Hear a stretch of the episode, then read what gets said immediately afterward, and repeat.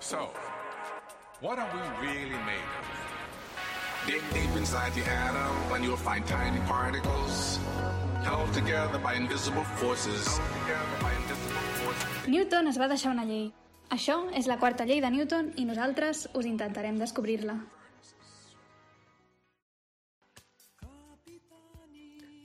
Aquest any fa 36 anys que el cosmonauta Zanibekov va creure haver descobert la sopa d'all.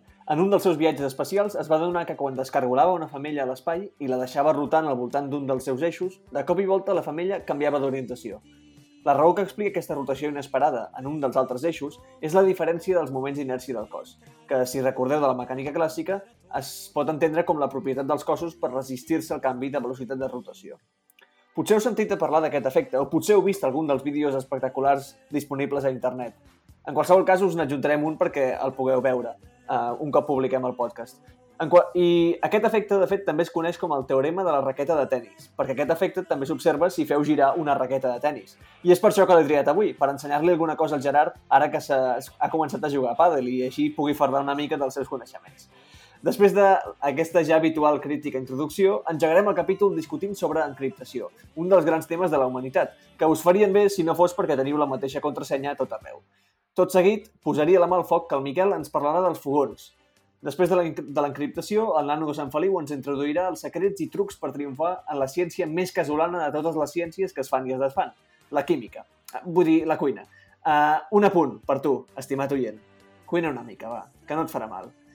Acabarem el capítol repassant la vida d'un científic amb molta càrrega, Robert Andrews Millikan, l'home que va mesurar per primera vegada la, càrrega, la càrrega elèctrica de l'electró.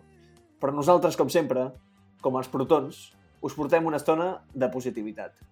Pau, Gerard, Miquel, benvinguts a la quarta llei.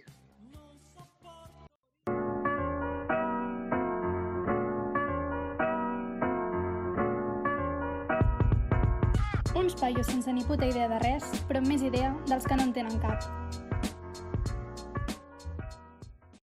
Mira, eh, Guillem, ara que has dit això, del tema de la, de la, de la raqueta de tennis, molt sí. xulo i tal, però en el fons, si intentes eh, agafar el teu mòbil i fer-lo girar a l'aire, és a dir, agafar-lo per la part de baix com si l'utilitzessis eh, normalment, i intenta que faci voltes sobre si mateix, eh, eh, diguem, que la càmera s'apropi cap a tu i que intenti fer aquestes voltes, es veu com ràpidament el mòbil es descontrola i comença a girar també sobre els altres eixos.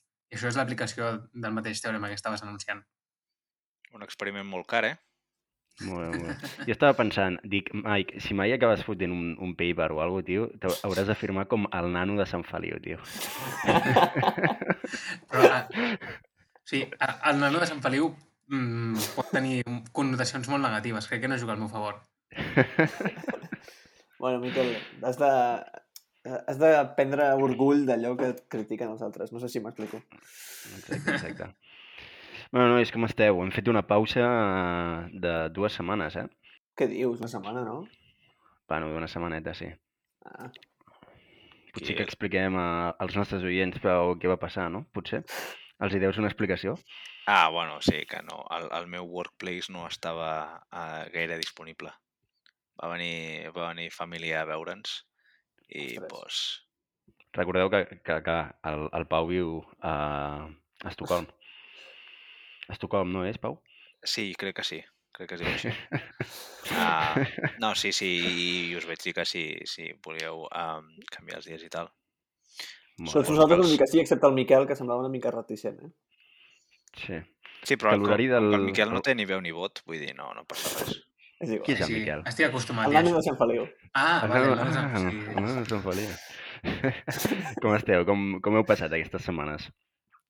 Jo la veritat és que molt tranquil de no haver de fer eh, el guió durant una setmana. Vull dir, eh, em va alliberar molt de temps, això, durant, durant el cap de setmana.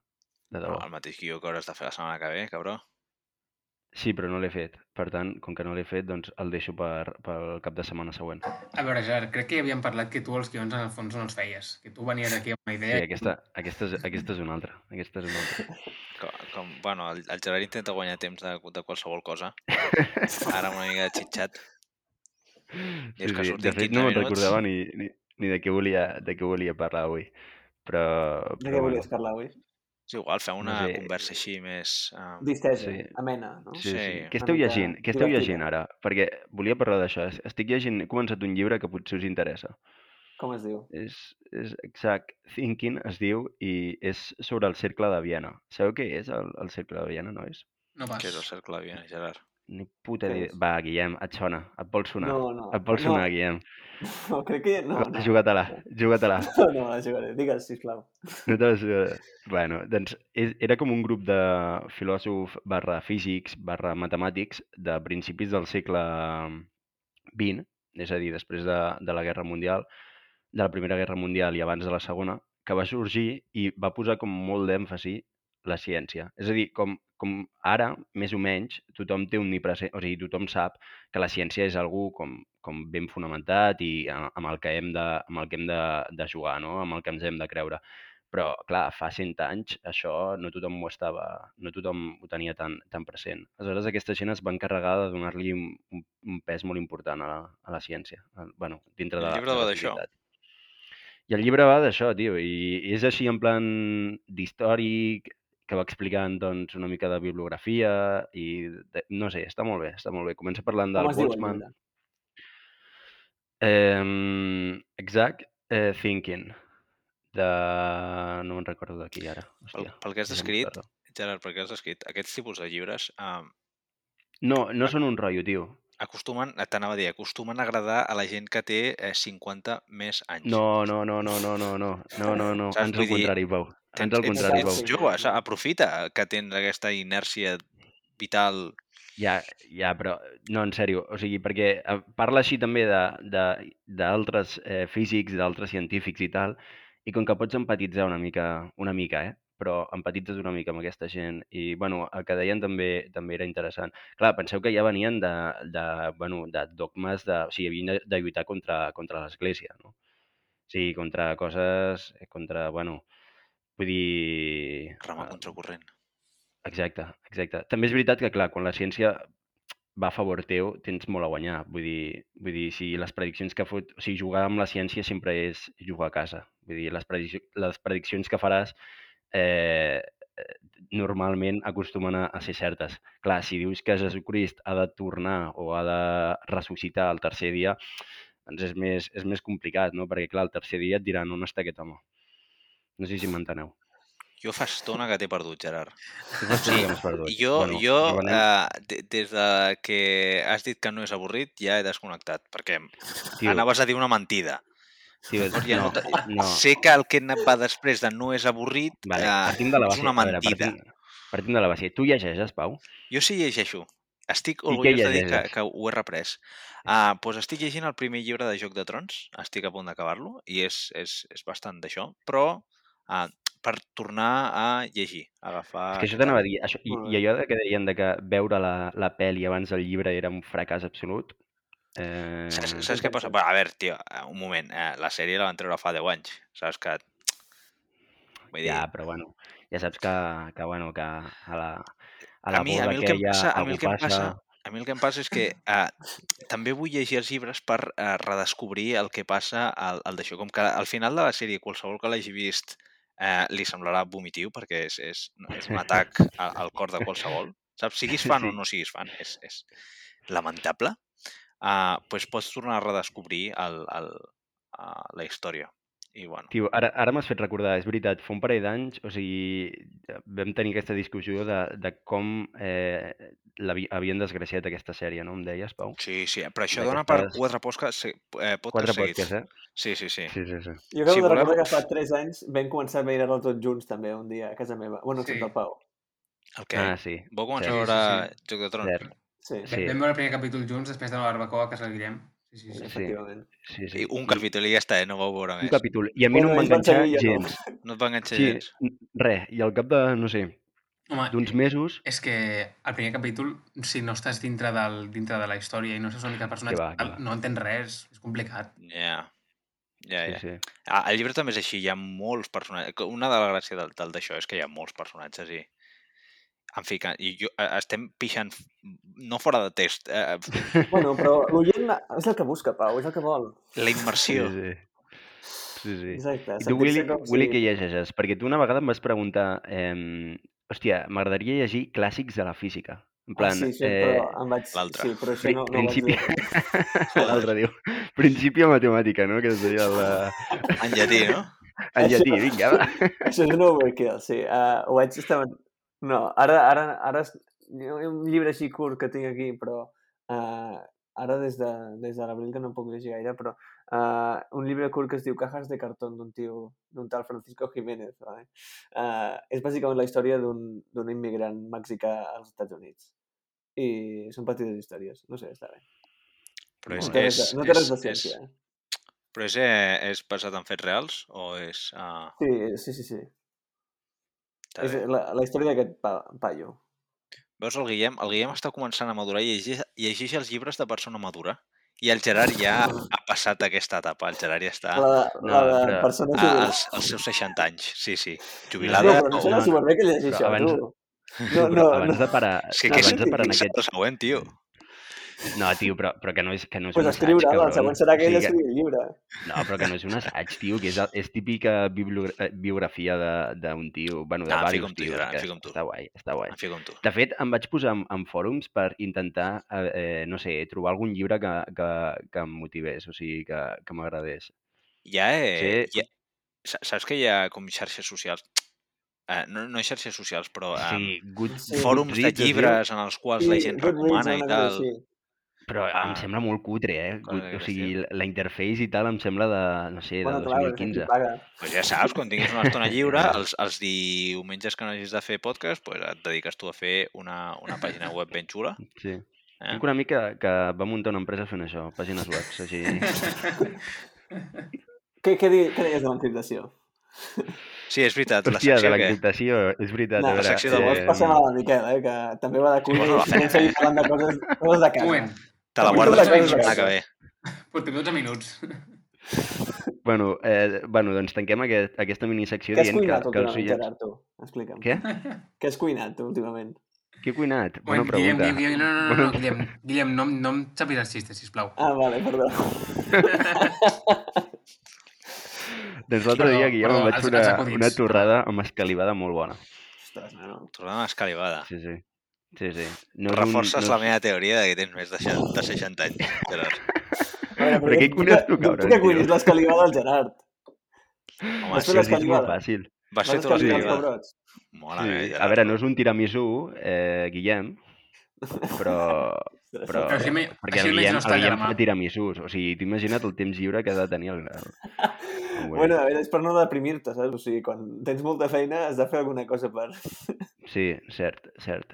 I tu què cuines, Pau? Perquè tu, tu també últimament estaves... Bueno, és que eh, no, no et queda més remei, no? Vull dir, tampoc moriràs de gana. Sí, clar, home, jo, jo he de cuinar per sobreviure. Per Eh, però sobreviure. coses, Què- coses bàsiques, la veritat. Eh, Com intento... què? Què t'has cuinat? Mira, avui he dinat una mica de pasta. El que passa que no... Llucet, una mica de llucet. Que sé, peix, és que peix aquí és caríssim, tu. Menjo una mica de salmó i ja està. I la carn també. M'alimento a base de um, amanides, llegums i una mica de pollastre de tant en tant.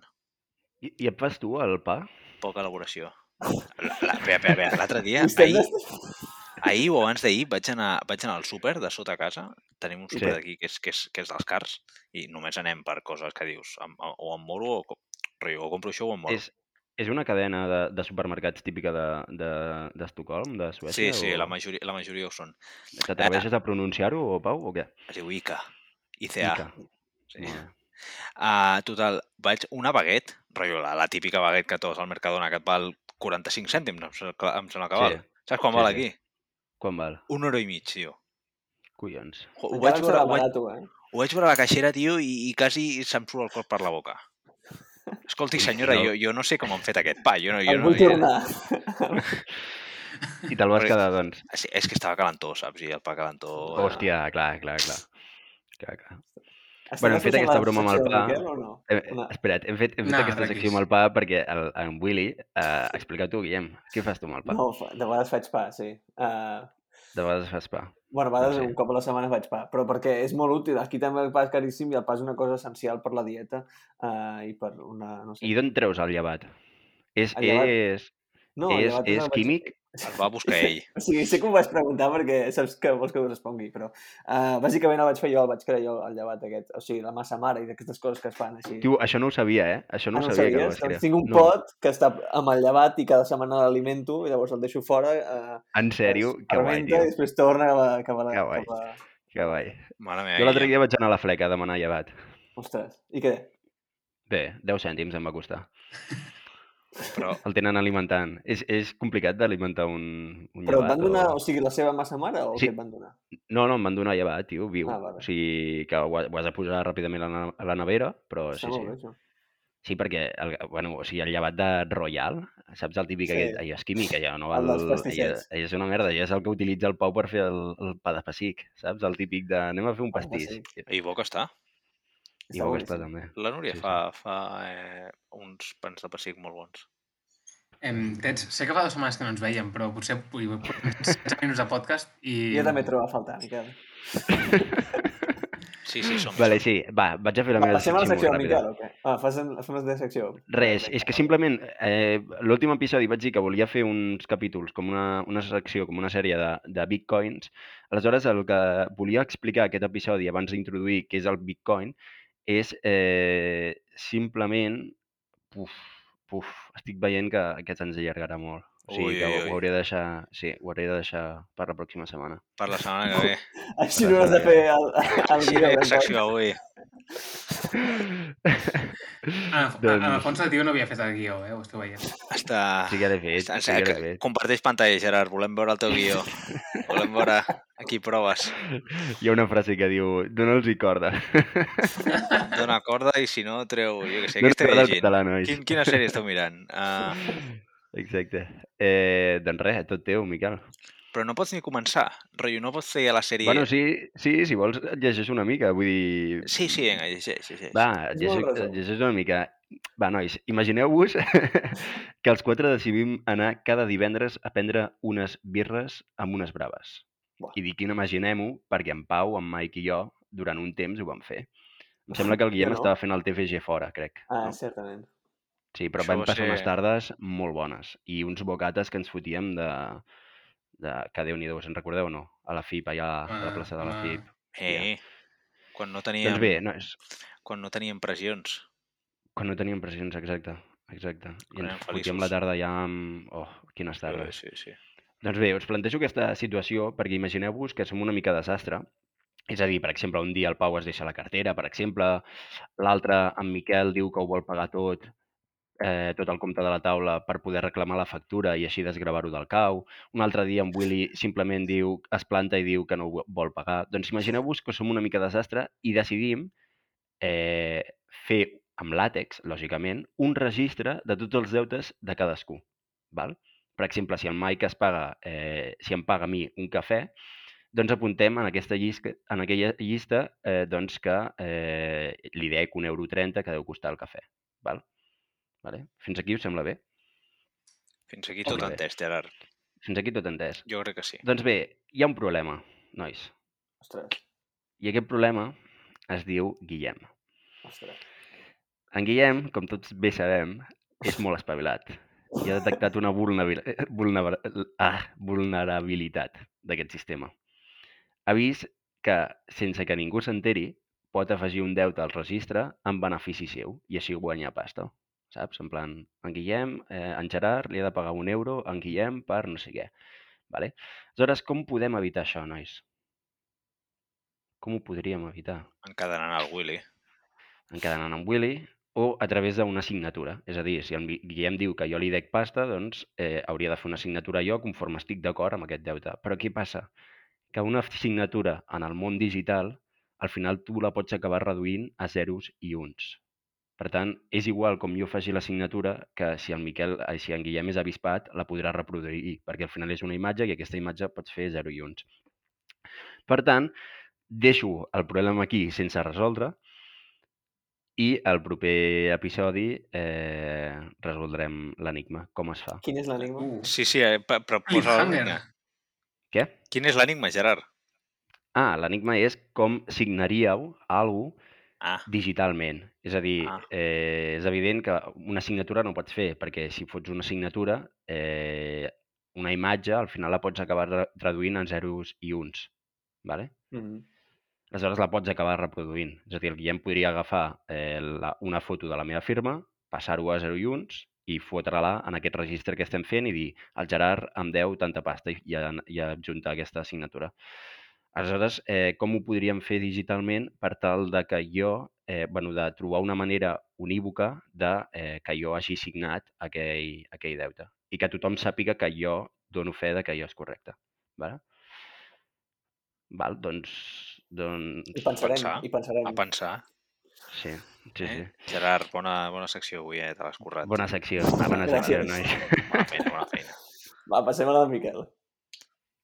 Ha estat feina de tots, això, però... El corazón que a Triana va nunca volverá. Perquè el matarà el 5G. Benvinguts a Miguel Bosson, la secció més pseudodivertida de la quarta llei. Som-hi, anem a parlar de ciència, sisplau. Anem a parlar de ciència, que portem aquí una estona parlant de les nostres vides. Estan xulis, eh, però... No sé. Sí, millor, millor. Il·lustra'ns. Eh, Som-hi. Eh, la secció d'avui neix arran d'un comentari que va fer la meva professora de química a batxillerat fa uns quants anys. Eh, de fet, el primer trimestre del curs de primer de batxillerat de química va consistir d'estequiometria bàsica, models atòmics, eh, on ens presentaven conceptes físics a la manera química, com que l'espina apareix degut a la rotació dels electrons, eh, i eh, durant unes setmanes ens van explicar les normes de laboratori, els estris, els usos i, mm, en aquell cas, els, picto els pictogrames, perquè feia poc que havien canviat. Mm, Tot i que el meu institut eh, havia allotjat anys enrere un cicle mitjà de química i, per tant, teníem un laboratori escolar amplíssim, ple de material i ple de possibilitats, em, tots els estris els vam aprendre mitjançant fotografies. Tot i així, no tractarem avui de docència científica a l'ESO i batxillerat perquè mereix una secció pròpia i, sobretot, mereix no ser considerat, no ser considerat una pseudociència. I recordeu que aquí hem vingut a parlar de coses que semblen ciència però que potser no ho són. Comentari a part, eh, la professora de química era la més estricta del lluny i als exàmens et restava 0,05 si no utilitzaves la seva notació. I pobre de tu, que en una reacció no indiquessis si els reactius i productes eren sòlid, amb el parèntesis S, líquid, gas o aquós, el famós quart estat de la matèria. Eh, total, perquè després arribis a, a, a la uni i tinguis l'Iñaki de Química, que vam tenir el grau, i l'única cosa que fet rigorosament fos portar sempre la jaqueta de l'Ossassuna. I parlar de vi. I parlar I de vi. parlar de Sempre, vi. sempre va- parlava de Tu, vi. escolta, un moment, un moment, Miquel. Eh, Puc fer una Digues. pregunta, aprofitant el Endavant. que has dit? Endavant. Uh, seré molt incisiu, eh? Vosaltres trobeu correcte que el, tots els exàmens que no fossin de, la, de llengua us restessin per faltes d'ortografia I i tant, o gramàtica? i tant, sí. Sí? Depèn. Com que depèn, Hi ha un Miquel? problema, eh? A veure, no sé. sembla bé. Sí, su suposo que fins a cert punt no és just, no és just suspendre un examen de química per no saber els diacrítics, per exemple. Bueno, Però, però és que ara ja no tindries els problemes amb els diacrítics. Cert. clar, però vull dir, a- al final a l'escola eh, ha- has d'aprendre de tot, no? I, i, I la llengua està tot arreu, no? Quan fas ciència també? Exacte, Sí, sí. exacte. Sí, sí. No, no, és, dic que treguin poquet, eh? Rotllo, 0,05 que treia la teva professora és una tonteria. Perquè Algo, tu t'ho feien, Pau. algo així del... A mi m'ho feien els exàmens de- d'història. Bueno, però història jo- és que això, món. no? això t'anava a dir. dic, Història també, eh? Perquè has d'escriure molt i tal. I a més, Exacte. a, a, els exàmens de física o química, per exemple, Clar, o mates, que quasi, que quasi no has d'escriure res, si allà fas una falta d'ortografia, és que, és que, És que ets un desgraciat. O sigui, sí, sí, ets és un que ho, ho costa. Sí, El- sí, sense per accent. tant, sí, sí, per tant, ja ho escrius malament, tio, és que algú, Això. algú estem fent malament.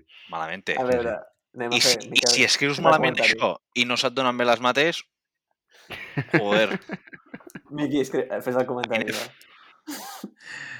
No, no, no, jo, jo, jo sí que porto estona pensant què ens passa avui perquè no volem fer el podcast. és que, Estem disculp, bastant- és que he sentit això de restar i, i, i, i necessitava treure-ho del meu chest. Molt bé. Ok, Sí, ok. Miquel. Doncs, Tu sempre a- sumes ara, en aquest podcast, Pau. Gràcies, Guillem. a- ara que el Pau està més alleujat, seguiré amb la meva secció, vale? Sí. Eh, Sí. Llavors, el tema és que la meva, la meva professora va anunciar la següent oració durant les classes de normativa de laboratori. A casa, tots tenim un laboratori. És la cuina. Tot i que després els altres professors del grau ens ho van repetir, eh, en aquell moment va ser el primer cop que me'n vaig adonar que era veritat. I llavors, més o menys com que en aquell moment vaig començar a desenvolupar jo un interès per la, per la cuina, he decidit que avui parlaria d'això. El paral·lelisme entre la cuina i el laboratori és molt gran. Quan cuines, peses productes, mesures volums, temporitzes... Bàsicament, el mateix que faig jo cada setmana a la taula del lab. L'únic que en comptes de remenar en diem agitar, que en comptes de reposar en diem incubar i que en comptes d'utilitzar eh, utilitzar bols emprem pipette boys. Si no sabeu què és un pipette boy, podeu buscar a, a Google, segurament us decepcionarà. Us esteu imaginant Sí. una cosa que no és. Ara hi corro.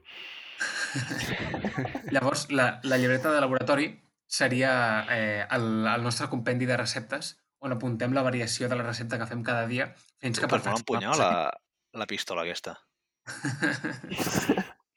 Es diu Bé, Boy. bé, bé. Pipette Boy, sí, sí. Bueno, a veure, es deu dir d'alguna altra manera també, però... Sí, és, és, és, com una, és com una pistola que, que apunta cap avall. Bueno, I el pitorro tira pa abajo. Sí, sí, sí. Allà li enganxes les pipetes per aspirar. Joder. Ah, està, Aniràs boicotejant la, la secció d'en Miquel, Pau? Va, deixeu, deixeu que el Pipette Boy segueixi. Ell que ho busquem? Vull dir, eh, perdona, eh? Disculpa'm. sí, sí, veus? Eh, per, per exemple, em, em podeu començar eh, a dir... Això, Boy. però això és el típic que el professor deia sí, aquests deures els podeu fer, però no ho havies de fer al moment com feia en Guillem i... i, i allà, això, No, no, el- tio, els o sigui, després, tenia quan estàs a el casa després de berenar, és quan fas els deures, hòstia. El Guillem ja es portava fets a casa. Vinga, seguim. Sí, eh, per documentar-me aquesta secció estava llegint un article eh, en l'article periodístic, perquè estem en una secció de pseudociència, per tant, els articles consultats són com són. Eh, un cuiner que era entrevistat explicava que una de les inversions que a l'hora de cuinar no solem fer és comprar un bon termòmetre, ja que permet controlar molt millor la temperatura a la que estàs cuinant i, sobretot, ajuda a, a la reproducibilitat. És a dir, tu, si aquest eh, guisat no et queda com li ha quedat a l'altra persona, és perquè la temperatura potser no estat en el, en el mateix punt, el que sigui. I tal com explicava el Guillem uns quants podcasts enrere, el 70 o 80% de la ciència que es publica és pràcticament irreproduïble.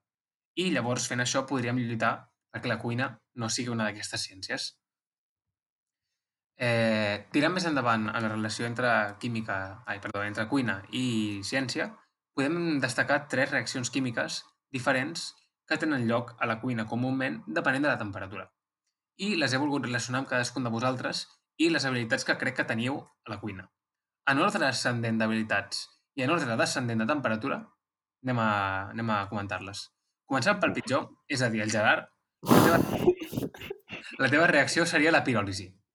Com a bon estudiant de termodinàmica de processos reversibles, si un pastís Mhm. està a 20 minuts a 200 graus, amb que estigui 10 minuts a 400 graus, n'hi ha prou. Clar, llavors, se't crema. Clar. Seguidament, eh, hi hauria Claro. l'exemple del Pau, hi hauria el Pau, que la seva reacció seria la caramelització, ja que saps el que et fas, surt dels pas, però el que cuines és pels nens, en el fons. Uh. Eh, bàsicament, en una caramelització el que passa és que la temperatura és massa alta eh, i les reaccions tenen lloc només entre, entre sucres. Ja estic En ben canvi- bo. Hòstia, estic ben bo, Miquel. En canvi, si la temperatura es controla una mica més, tindríem en Guillem i la reacció de Maillard. La reacció de Maillard, o Maillard, o no m'atreveixo a pronunciar-ho gaire més, és la més famosa dins de, dins de la cuina, ja que representa una, una reacció entre sucres i aminoàcids presents en els aliments. Aquesta reacció dona l'aspecte marronós de la, del, del menjar cuinat. És aquest torrat que, diguem que barreja tots els sabors del plat, perquè acaba fent que tot Mm. eh, acabi sent una barreja i no senzillament un poti-poti d'ingredients diferents. I eh, el més interessant és que aquesta reacció és fortament dependent dels components químics de l'ingredient. Eh, per això, aquesta reacció s'ha emprat des de fa molts anys per tal de desenvolupar aromes artificials.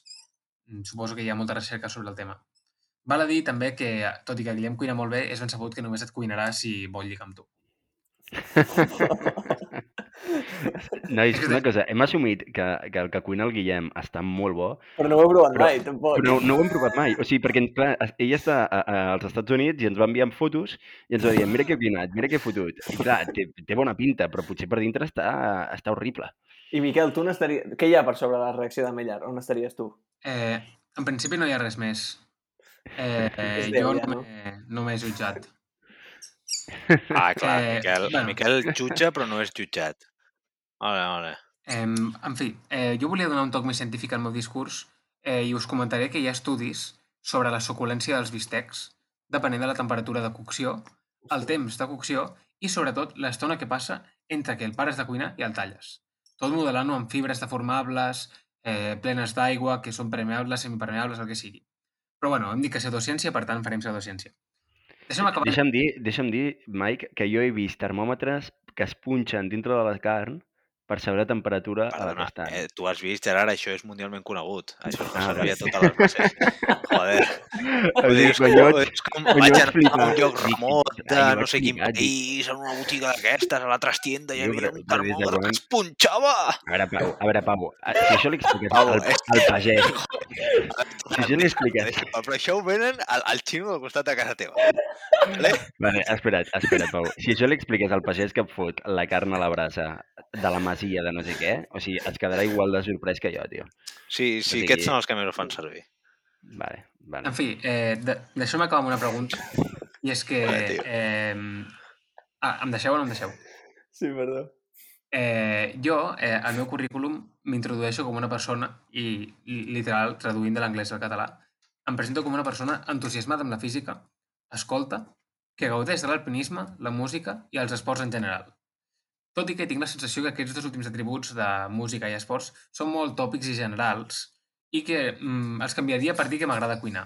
Perquè jo, I viatjar, t'ha faltat també viatjar, Miquel. Exacte. I, Jo crec i que ja canviaré- el complet. jo crec que ho canviaré per cuinar perquè crec que diu molt d'una persona si li agrada cuinar. Crec que jo, com a persona que es mira un currículum, veig i mm, m'agradaria. Potser opinareu que estic carregat de romansos. Pot ser que ets un somiador. Uns No, però-. No, però és important cuinar bé. O sigui, a veure, fotem la conya de que és cert que jo cu- cuino un poc, però, hòstia, cuinar bé és... Ojo, és una virtut, eh? Gerard, eh, cuinar està sobrevalorat. Està sobrevalorat. Al final, Hòstia, al final, al final ho acabes cagant tot. Saps què et Pau, Ho dic? acabes quedant tot. Eh, és, és una cosa que t'ha de nutrir. De fet, eh, No és un plaer per tu, menjar. no, no, no et faré el, el, el rebote ara tu perquè, perquè me la facis, però hi ha, hi ha una cosa que són uns com uns polvos que et pots menjar. Digues? Howl? No es diu howl o una cosa així? Howl? O No, no tinc ni idea. Rotllo que són uns... Vale. Com... No són complements, és, és com un, un àpat sencer en, en una bosseta de polvos que Sí. et, et, um, com es diu, et, et sacia, uh, que t'omple, és a dir, Sí. no, no, no et quedes amb gana i amb allò tens totes les, uh, tots els nutrients que necessites per un sol àpat i no t'has de cuinar. Uh, al, al final Oh. jo crec que el futur és això. Pau, estàs Sí, parlant doncs, del que... el dia que canviem, perdó, el dia que canviem aquests, aquests, eh, aquestes coses que has parlat pel bon plat de, no sé, de mongetes, eh, o sigui, de, de botifarres de, com es deia? El, res- que, que, Calana d'Aventurà? O com es deia allò, Miguel? De Ventolà, sí, sí, sí. D'Aventurà. Exacte. El dia que substituïm un bon plat d'això per aquests polvos de merda, Pau, Eh, però, dia els, però els gustos, no els marxarà. gustos, No marxa. Els gustos es poden Perquè crear, m'és no? igual, tio. M'és igual els gustos. Eh, però tu ets Si científic o no? ets, és, Ah, no, però menjar, menjar, tio, estareu amb- textura, eh, la mi, menjar textura, és, però- és ah. olorar, és veure la textura, és el suquet que deixa Ah, la ja, carn. ja, un fantasma, Ah. tio. Això, això, és, això, això ho diu la gent que té diners per aparentar. Això, això és mentida, tot. Al No, final, tio, menjar és un plaer, ja menjar és un plaer. Pau, menjar és Eh, un plaer. Jo, jo, per tancar la secció, diria que el que el Pau estava, el que, el que estava descrivint és el que el senyor dels anells en deien en castellà el pan de lembas. Sí, les lembes. Però, però Mm. no té res a veure, vull dir, són... són altres, no? Ah, Em recorda una mica a les... Com es deia allò de Harry Potter dels germans Weasley que tenien aquelles... aquelles Les vi- granje, gran... sí, no, grajeas de, de tots els sabores. Mongetes de... Sí. exacte. Sí, sí, Sí, ja sí, sé sí, que són. sí. Són com caramels que tenen tots els gustos possibles, no? Exacte. Sí, Això dius, Sí, no? sí, Però sí, sí, que sí, pot sí. haver-hi molt dolents i molt bons. sí, sí. Vinga, passem a la secció del Pau, no? Vinga, som-hi. Foli, Pau. Qui, quin podcast si està quedant mica avui? millor. El quadern de Pitàgores, perquè tots els genis tenen les seves coses. Benvinguts sigueu tots a la secció on de la mateixa manera que un quadern de bitàcola explicarem tot tipus d'anècdotes que han passat a científics i científiques. Vam a veure, uh, fa un parell de setmanes vam penjar una pregunta a l'Instagram per veure qui agradaria als oients que portés un dia d'aquests. I he de dir que la majoria dels oients tenen una imaginació de merda. Vale? Uh, perquè no penso portar cap més matemàtic, ja, ja, ja hem estat tots fins als pebrots, i tampoc vull tirar a taulell amb algú que eh, sigui molt reconegut. que per això ja, ja tenim l'últim episodi del podcast. Uh, tot i així, encara imparava un mínim de sentit comú i vaig trobar alguna bona recomanació. Però uh, a tots els que heu contestat, si us sap profundament greu que no hagi triat la vostra idea, us envio una abraçada virtual d'aquestes fluixetes que fan els països nòrdics i que sembla que abracis l'aire uh, i un tap-tap a l'esquena perquè us passi la pena. T'han fet una abraçada així. Joder, tio, quan has conegut, rotllo, la típica persona que agafes una mica de confiança, un alemany, saps? Que, que t'abracen però sembla que estiguin abraçant l'aire i, i tu estiguis pel mig. Sí, Saps a sí, què em ja sé què refereixo? dius, ja. Sí, Saps? sí, que, sí. la, les seves mans no et toquen l'esquena, sinó que Sí, sí, sí. t'envolten però no et però, toquen. però, però no tant, saps? És que ni, sí. ni t'estimo, això és, és t'odio, rotllo, eh, et suporto. Et reconec com a individu. En fi, Som, eh, la, som la mateixa espècie, però... potser ni això. Ni això. Digues, digues, perdó. en fi, eh, que he triat en R-A-R-A Millican, proposat per l'usuari Buscabitxos, que espero que, no sigui, espero que no sigui el seu nom de veritat, perquè ho hauria passar eh, especialment malament quan anava de colònies amb el col·le i feien gincames al bosc. Perdó, un moment. Per què ens consta seguir Instagram coses com Societat Catalana de Matemàtiques o institucions, bàsicament? Això, Eh, Com Perquè es creuen que això és sèrio, tio. i amb dues síl·labes. Fa, No ma, un que no se't pugi al cap. D'acord? Ja, xa- xapeu ja i deixeu-me parlar. Uh, comencem. En Robert Andrew Millikan va ser un físic experimental estatunidenc nascut a l'any 1868 en algun lloc perdut d'Illinois i, co i que, com a culminant de la seva carrera, va guanyar el Nobel de Física per la mesura de la càrrega elèctrica elemental, com deia el Willy, i la seva feina en l'efecte fotoelèctric. Ja des dels seus inicis deixava clara la seva percepció més experimental de la ciència, degut que fins al, segu- al seu segon any del, del grau en l'equivalent actual d'estudis clàssics, a grecs i romans i aquestes coses, tot el que havia fet a física es reduïa a un curs de, de 12 setmanes que ell mateix va descriure com a completa pèrdua de temps. Tot i així, a, final de, a finals de segon, un professor li va dir que fes classes d'introducció a la física, al·legant que qualsevol que ho fes bé a les seves classes de grec podria ensenyar física. Doncs bé, el, el fet d'haver-la d'ensenyar li va canviar la vida i va començar a formar en ell la idea que s'aprèn més resolent problemes que no pas amb l'escolta passiva de lliçons de física. Més tard, un cop acabats el grau i el màster, es va dedicar completament a la recerca i en un problema en particular, la mesura de la càrrega de l'electró, problema que el duria a la fama mundial. La seva solució es resumeix en l'experiment de Millikan o l'experiment de la gota d'oli. Per fer-ho, eh, havia fet servir la mateixa tècnica que uns anys havia fet servir a uns anys abans havia fet servir Thomson a Anglaterra, però fent servir oli en comptes d'aigua, de manera que aquest no s'evapora i la mesura és més precisa. L'experiment consisteix més o menys eh, en deixar en suspensió petites gotes d'oli carregades enmig d'un camp elèctric, és a dir, el típic exercici de física de la CL. Eh, recordeu, no? Això de Sí, sí. una Que càrrega fotia un pal de calcular, tio. Fuà. Pal, pal no, tio, això eren punts regalats. Si eren tots iguals. En fi, d'aquesta manera es pot calcular la força elèctrica sobre les gotes i es pot arribar a calcular la càrrega d'un electró, una de les constants físiques fonamentals. També va descobrir que totes les càrregues són múltiples d'aquesta elemental i aclararia una mica més un tema tan controvertit, controvertit com les partícules subatòmiques o la idea de l'àtom en general eh, en aquell moment. Més endavant a la seva carrera es va voler enfonsar a... Ai, enfonsar. La puta, tio, la, la, la, la listèxia. Es va voler enfonsar a la bèstia. Ah, es pensava que Einstein estava equivocat quan va presentar la seva No. feina sobre l'efecte fotoelèctric. Ja sabeu, que la llum està formada que la llum està formada per fotons i eh, és una ona i una partícula alhora. Uh, Millikan deia que ja s'havia demostrat que la llum era únicament una ona. I després d'uns 10 anys de dos experiments, conclouria dient que, tot i que la teoria d'Einstein s'adequava molt bé a la realitat, eh, no tenia cap tipus de fonament teòric. I, de fet, és bastant irònic que molts dels seus descobriments fossin una base de la física de partícules moderna, tenint en compte que ell era molt conservador respecte a les idees que sorgien a, a principis del segle XX, les idees quàntiques, les idees atòmiques i tots, tota, totes aquestes. Per aquests descobriments i la seva feina experimental se li va atorgar el Premi Nobel de Física al 1923. Hòstia. Tot i això, tot i això, l'hauria d'haver guanyat al 1920 si no arriba a ser per un bocamoll anomenat Félix Ehrenhaft, que eh, deia haver mesurat càrregues més petites que la suposada càrrega elemental. Ah, el Willy de l'època, vaja. Finalment, també se li atribueix la mesura de la constant de Planck mitjançant emissions fotoelèctriques de diversos metalls. Em sembla que va ser el, em sembla que va ser el primer, amb el que doncs, donava més validesa a la teoria quàntica. Quin xaval, eh?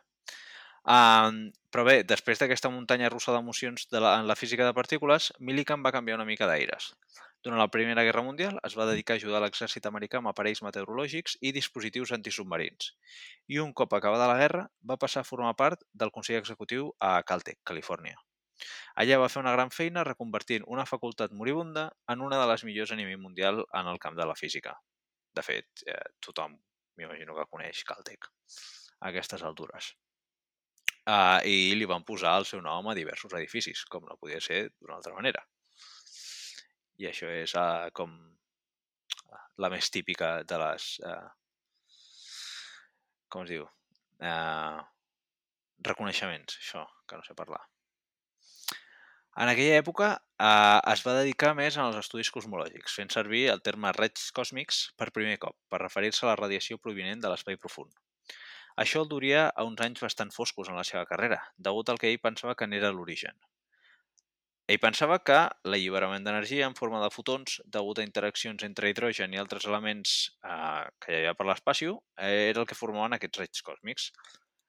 En canvi, més tard es va descobrir que no, que aquests rajos eren principalment protons i nuclis atòmics donant voltes eh, por ahí bueno, per si algú li interessa, es va casar i va tenir tres fills eh, i finalment va morir a casa seva a l'edat de 85 anys, després d'uns últims anys en els que va promoure molt la unió de l'Església Catòlica i la ciència. Els seus, Hòstia, ja pensaments, jo. els seus pensaments més filosòfics eren també una mica singulars. Era un fidel adepte de la eugenèsia, que no té res a veure amb els eugenis ni les eugènies. Sa- Sabeu què és l'eugenèsia? no. Ni, ni idea, no? És el de matar els nens aquests quan... ah, Perdó, és el de matar els nadons que tenen deformacions o coses d'aquestes? O... Uh, sí, no vas desencaminat. Eh, Bàsicament és, és una pràctica que es tracta de...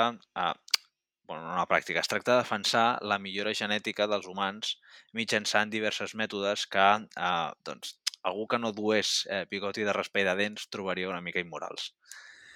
És per això, és per això que a principis d'aquest any, aquest any mateix, eh, la Junta de Caltech va decidir treure el seu nom a tots els edificis i va decidir canviar-li a i es va decidir canviar-li el nom al Premi Robert A. Millikan, que guardona les notables contribucions a professors de física. I, bueno, això és tot. Que quien te ha visto i quien te ve, eh? Déu-n'hi-do, eh? Hòstia, Això no t'ho explica el teu llibre, eh, Gerard? Això no m'ho explica, això no m'ho explica. Hòstia, quin, Ai, de- quin de canvi de... de... També t'he de dir, deixa'm dir que, pobre home, que va, es va passar tota la vida calculant constants i després els teòrics agafen les constants i li diuen això és igual a 1 i les unitats les poses en, en, en, en aquesta... Allò, ja Clar, està, és saps? veritat. Vull dir, pobre xaval. Però bueno, molt interessant, Pau. Sí, de fet, eh, es va equivocar calculant la constant de Planck. Eh, rotllo, la va aproximar bastant bé, però va tenir un, un error amb un càlcul agafant la viscositat de l'aire i aquell, eh, el valor numèric incorrecte, va ser el que es donava per bo durant 20 anys, em sembla que, que va ser a tot el món. Imagina't, Sí, els per un moment la constant de, de sortit. Planck per un moment la, la constant de Planck va ser un bio-number, no? Algo així, sí. per un moment, per alguns anys. Alguns anys. Però imagina't per un moment... Ah, ah, bueno, tanquem ja aquí, no? No, no, no, imagina't Willy, per un no, no, moment no. que Digues, Google... digues. Imagina't que Google per un moment canvia les constants. Hi hauria tantes coses que estarien malament, perquè la majoria de científics, quan no saben quan és una constant, Wikipedia. la busquen per Google o Wikipedia o el que sigui, Sí. però... Sí, sí. Bueno, però Google, és a dir, s'hauria de canviar a tot arreu. Sí, Perquè sí, sí, sí. està Era- era un- llocs, no? Era un, ex, un, un experiment mental. Ah, Sí, vale. sí. Ostres, No m'intentis aquí, pillar, aquí no m'intentis estàs... pillar per aquí, tio. No, no, no, no et pillo, pillo, tranquil. Jo, jo a tu et deixo, et deixo canxa per correr. Bueno, què ens depara la setmana que ve? Uh, pues últim podcast, eh? Uh, Últim podcast, senyors. de la temporada. Sí. Sí. De la Ah, temporada. Hem de fer Sí, alguna especial, eh? Algo especial. Especial de, de l'espai exterior o, o de l'espai Mm. rotllo? Mm, ho deixarem, amb, ho deixarem amb, amb aquest enigma, Pau. Vale, vale. Vale. Abans Sí, d'acabar, Gerard, la Gerard no enigmes... abans d'acabar, Gerard, ja has votat? Sí, sí, sí, ja he votat. Ja he votat. Jo, jo Tenim també, Crespo, perquè no em preguntis, Guillem, jo també he votat. Ah, tu també ets de l'UPC? Pensava que ets de eh? Ah, no, no, vale, vale. Molt bé. No te lo Ah, un moment, un moment, Sí, sí. deixeu-me acabar. Recordeu que són les eleccions de, No han de, estat ja? de rector. No han acabat del no? Eh, el Ah, 19 no, de... Mira, Fins demà, justament... fins demà. Fins demà. Ah, doncs mira, el No, dia que posem el podcast tipo, ho acompanyarem amb un, amb un d'això de L'etiquetem, no? Ah, Etiquetem o, o el Xico o el Dani. vote. I want you to vote. Sí, sí. No, no, Ah, el, el 19 surten els resultats. El 19 surten els resultats o es vota el 19? Hòstia, el 19... Surten els no sé. resultats. Es votava del 14 al, al 17 o una cosa així. Doncs pues aleshores no, Bueno, aleshores... Bueno, felicitem la persona que hagi, hagi guanyat. Amb qui aneu? Això no és Amb, prou. amb el físic. I amb A, el a físic, veure, tio. Miquel, un moment. Eh, jo sé a qui votes, jo sé que tu votes a Vox, eh, perquè no em pots dir que Tio, que Ah. encara s'ho creurà algú. a Miquel vota No, però- Ciutadans. A veure, no, però... Però A veure, és, és evident, no que ens ho diguin, però el Gerard, evidentment, el, el Crespo, perquè el Crespo va ser el cap de departament del departament de física, per tant, eh, Mhm. has d'ajudar els teus, no? Clar, es, Com, com, com deia, això, això m'ha recordat a la, a la, a la, a la palla aquella del, del PP que, que estava drogadíssima a, a Madrid dient mejor mal conocido Bueno, bueno por bueno conocer eh, Ayuso, pues eso. Sí, Amb però això en aquest cas que- és el contrari, perquè, perquè ets amb el Chico. El chico. El o sea, ¿el chico es el bueno por conocer o al malo conocido? El malo conocido. El malo El conocido. Crespo es el bueno, el bueno por conocer. Vale, vale. Pues ese és Ayuso. En fi, uh, bueno, i amb això, nois, eh, agraïm el a la podcast Núria. no dona suport a cap, a cap candidat en particular. Només Exacte, exacte. Ah, Els polítics. A polítics, a científics, a, a de tot. sí, després de fer els comentaris que has fet ja... Anormals són, també. Ens veiem la setmana que ve. Moltes gràcies. Moltes gràcies Núria. per tot, Núria. A Muy bien, la jefa. I aquesta és la quarta llei. Quod erat demonstratum. Si la voleu entendre més a fons, escolteu-nos al proper episodi i seguiu-nos a les nostres xarxes socials a arroba la quarta llei.